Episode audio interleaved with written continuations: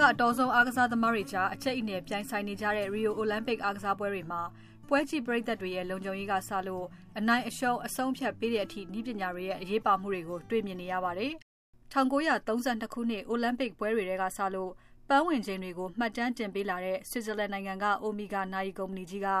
အခု2016 Olympic မှာ စမ်းသစ်တီထွင်မှုတော်တော်များများကို ပထမဆုံးအကြိမ် အသုံးပြုခဲ့ပါတယ်။ ပြိုင်ပွဲဝင်သူတွေပန်းတိုင်ကိုဖြတ်ပြီးဆိုတာနဲ့တစ်စက္ကန့်ကို digital ဓာတ်ပုံပေါင်း1000ကို ရိုက်ပေးနိုင်တဲ့ photo finish နည်းပညာသုံးကင်မရာကို အခု Olympic ပြိုင်ပွဲတွေမှာ စတင်သုံးပါတယ်။ Scanovation Mirai ကင်မရာက ပန်းဝင်တဲ့အချိန်တွေကိုလည်း အတိအကျပြောပြနိုင်ပါတယ်။ပြိုင်ပွဲတွေမှာ ဘယ်သူက နှာတဖျားအသာနဲ့ ပန်းဝင်တယ်လဲဆိုတာတာမန်မျက်စိနဲ့ အကဲဖြတ်နိုင်ဖို့ ခက်ခဲနေရင် Omega ရဲ့ Scanovation Mirai ရဲ့ ရိုက်ကူးချက်တွေကိုကြည့်ပြီး အဆုံးအဖြတ်ပေးနိုင်မှာဖြစ်ပါတယ်။ တခါအပြေးပြိုင်ပွဲတွေဆိုရင်ဘယ်သူကပန်းနိုင်ကိုဘယ်အချိန်မှရောက်တယ်လဲဆိုတာအတိအကျသိရဖို့သိတ်ကိုအရေးကြီးပါတယ်။အထူးသဖြင့်တာတိုအပြေးပြိုင်ပွဲတွေမှာအပြေးသမားတွေတယောက်နဲ့တယောက်ကြားစက္ကန့်ပိုင်းသာကွာပြီးတော့ပန်းဝင်တတ်ကြတာမို့ဘယ်သူကအရင်ပန်းဝင်တယ်ဆိုတာပြောရခက်တတ်ပါတယ်။ဒါကြောင့်ပန်းတိုင်တွေမှာတာမန်မျက်စိနဲ့မမြင်နိုင်တဲ့အလင်းတန်းတွေကိုလွှတ်ထားလေရှိပါတယ်။ photo cell ဒီပညာနဲ့ပုံမှန်အားဖြင့်တော့အလင်းတန်းနှစ်တန်းပန်းတိုင်မှာတားထားတာပါ။ Rio Olympic မှာတော့ Omega ကပဲတီထွင်ထားတဲ့ photo cell နည်းပညာသစ်က ပန်းတိုင်တွေမှာ အလင်းတန်း ၄ တန်းကိုလွှတ်ထားတာဖြစ်ပါတယ်။အလင်းတန်းက ၄ ခုဖြစ်တဲ့အတွက် အပြေးသမားရဲ့ ကိုနေဟန်ထားတဲ့ ပတ်ဝန်းကျင်ကို ပို့ပြီးတော့မှ အတိအကျသိနိုင်မှာပါ။အရင်တုန်းကဆိုရင်တော့ဒီတန်းကျော်ပြေးပွဲတွေမှာ အလင်းတန်းတွေရဲ့အမြင့်ကို ပြန်ပြီးတော့ချိန်ဖို့လိုခဲ့ပေမဲ့ အခုတော့ဤပညာသစ်ကြောင့် လိုတော့မှာ မဟုတ်ပါဘူး။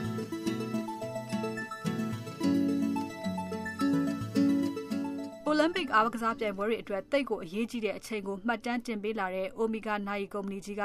အခုနောက်ပိုင်းမှာတော့ရှေ့ပြေးနည်းပညာတွေနဲ့အချိန်တစ်ခုတည်းတင်မဟုတ်တော့ဘဲအားကစားပြိုင်ပွဲတွေနဲ့သက်ဆိုင်တဲ့နည်းပညာဆိုင်ရာပံ့ပိုးမှုမျိုးစုံကိုလုပ်ပေးနေတာပါ။ဥပမာမြန်မာအသင်းဝင်ပြိုင်တဲ့မြားပြစ်ပြိုင်ပွဲမျိုးမှာဆိုရင် Olympic မြားပြစ်သမိုင်းမှာပထမဆုံးအကြိမ်အနေနဲ့နည်းပညာကိုအသုံးပြုပြီးတော့အမှတ်ပေးခဲ့ပါတယ်။ပြစ်မှတ်နေရာမှာ Omega ရဲ့ scanning system စနစ်ကိုထည့်ထားတဲ့အတွက်မြားလာစိုက်တာနဲ့ ပြစ်မှတ်ဗဟိုနဲ့မြားရဲ့အလျားအကွာအဝေးအနံ့အကွာအဝေးဘယ်လောက်ရှိသလဲဆိုတာကို scanner နှစ်ခုကချက်ချင်းတွက်ချက်ပေးပါတယ်။တာမန်မျက်စိနဲ့မမြင်နိုင်လောက်တဲ့ဒသမ2မီလီမီတာအထိကိုမှန်အောင်စနစ်ကတွက်ပေးနိုင်တယ်လို့ပြောပါတယ်။ဒါကြောင့်ပြစ်မှတ်နဲ့မြားကိုထိပြီးတော့တစ်စက္ကန့်အတွင်းမှာကိုအဖြေကိုသိရနိုင်မှာဖြစ်ပါတယ်။အခုမတိုင်ခင်လန်ဒန်အိုလံပစ်ပြိုင်ပွဲတွေအထိဒိုင်လူကြီးတွေကအထူးလုပ်ထားတဲ့ချိန်စက်နဲ့မြားမှန်တဲ့နေရာတွေကိုတိုင်းတာခဲ့ကြရတာပါ။တိကျမှန်ကန်တဲ့နည်းပညာတွေကို Olympic ပြိုင်ပွဲတွေမှာအသုံးပြုနေတဲ့အထက်မှာ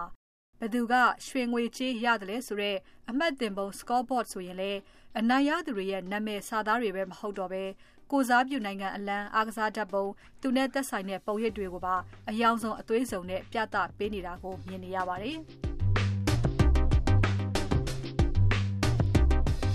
Olympic ပြိုင်ပွဲတွေအတွင်းအားကစားသမားတွေအတွက်ဤပညာကအများကြီးအထောက်အကူပေးနေတဲ့အထက်မှာရေကူးအားကစားသမားတွေအတွက်လည်းမကြံပါဘူး။ အလျားမီတာ90ရှည်တဲ့ကန်မှာ ရေကူးပြိုင်ကြတဲ့အခါ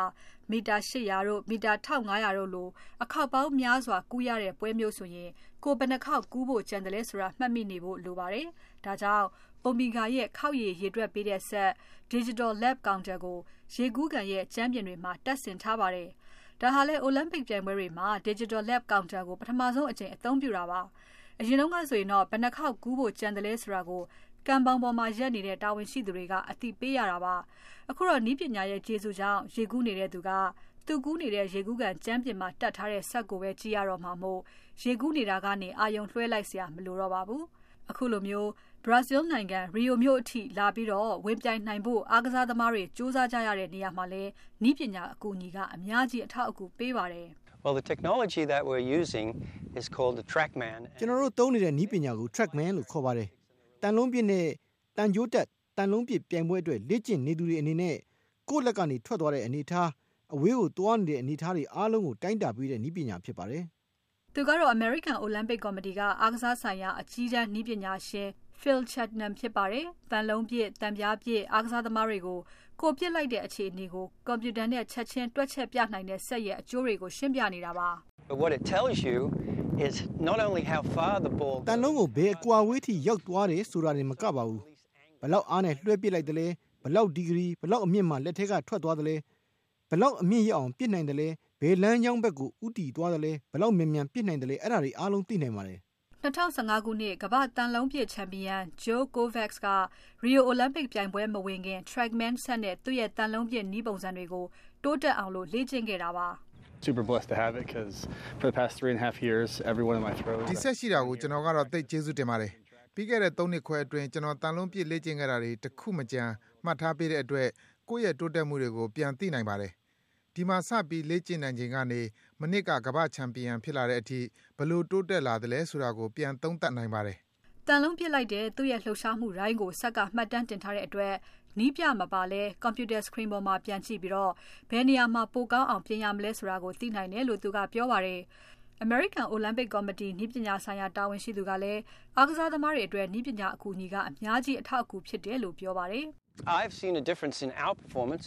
and I think we're doing အားကစားသမားတွေရဲ့ စွမ်းဆောင်ရည်တက်လာတာကတော့ လက်တွေ့ပဲဗျ။ကျွန်တော်တို့အသင်းတော်တော်လေးကို အခြေအနေကောင်းတယ်လို့ ထင်ပါတယ် ဒါကြောင့်လဲအားကစားသမားတွေက